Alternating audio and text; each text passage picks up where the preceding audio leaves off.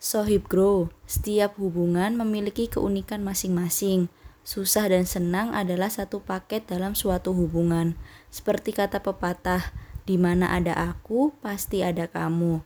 Tapi pepatah ini susah diterapkan untuk pasangan LDR nih.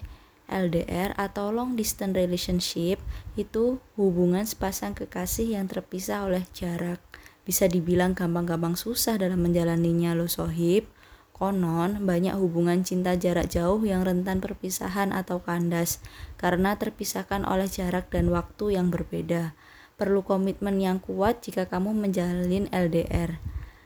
Wah, Nabila penasaran banget nih, gimana tanggapan teman-teman tentang LDR? Apa benar pasangan LDR jauh lebih bahagia? Yuk, simak tanggapan Sohib di Tahukah Kamu?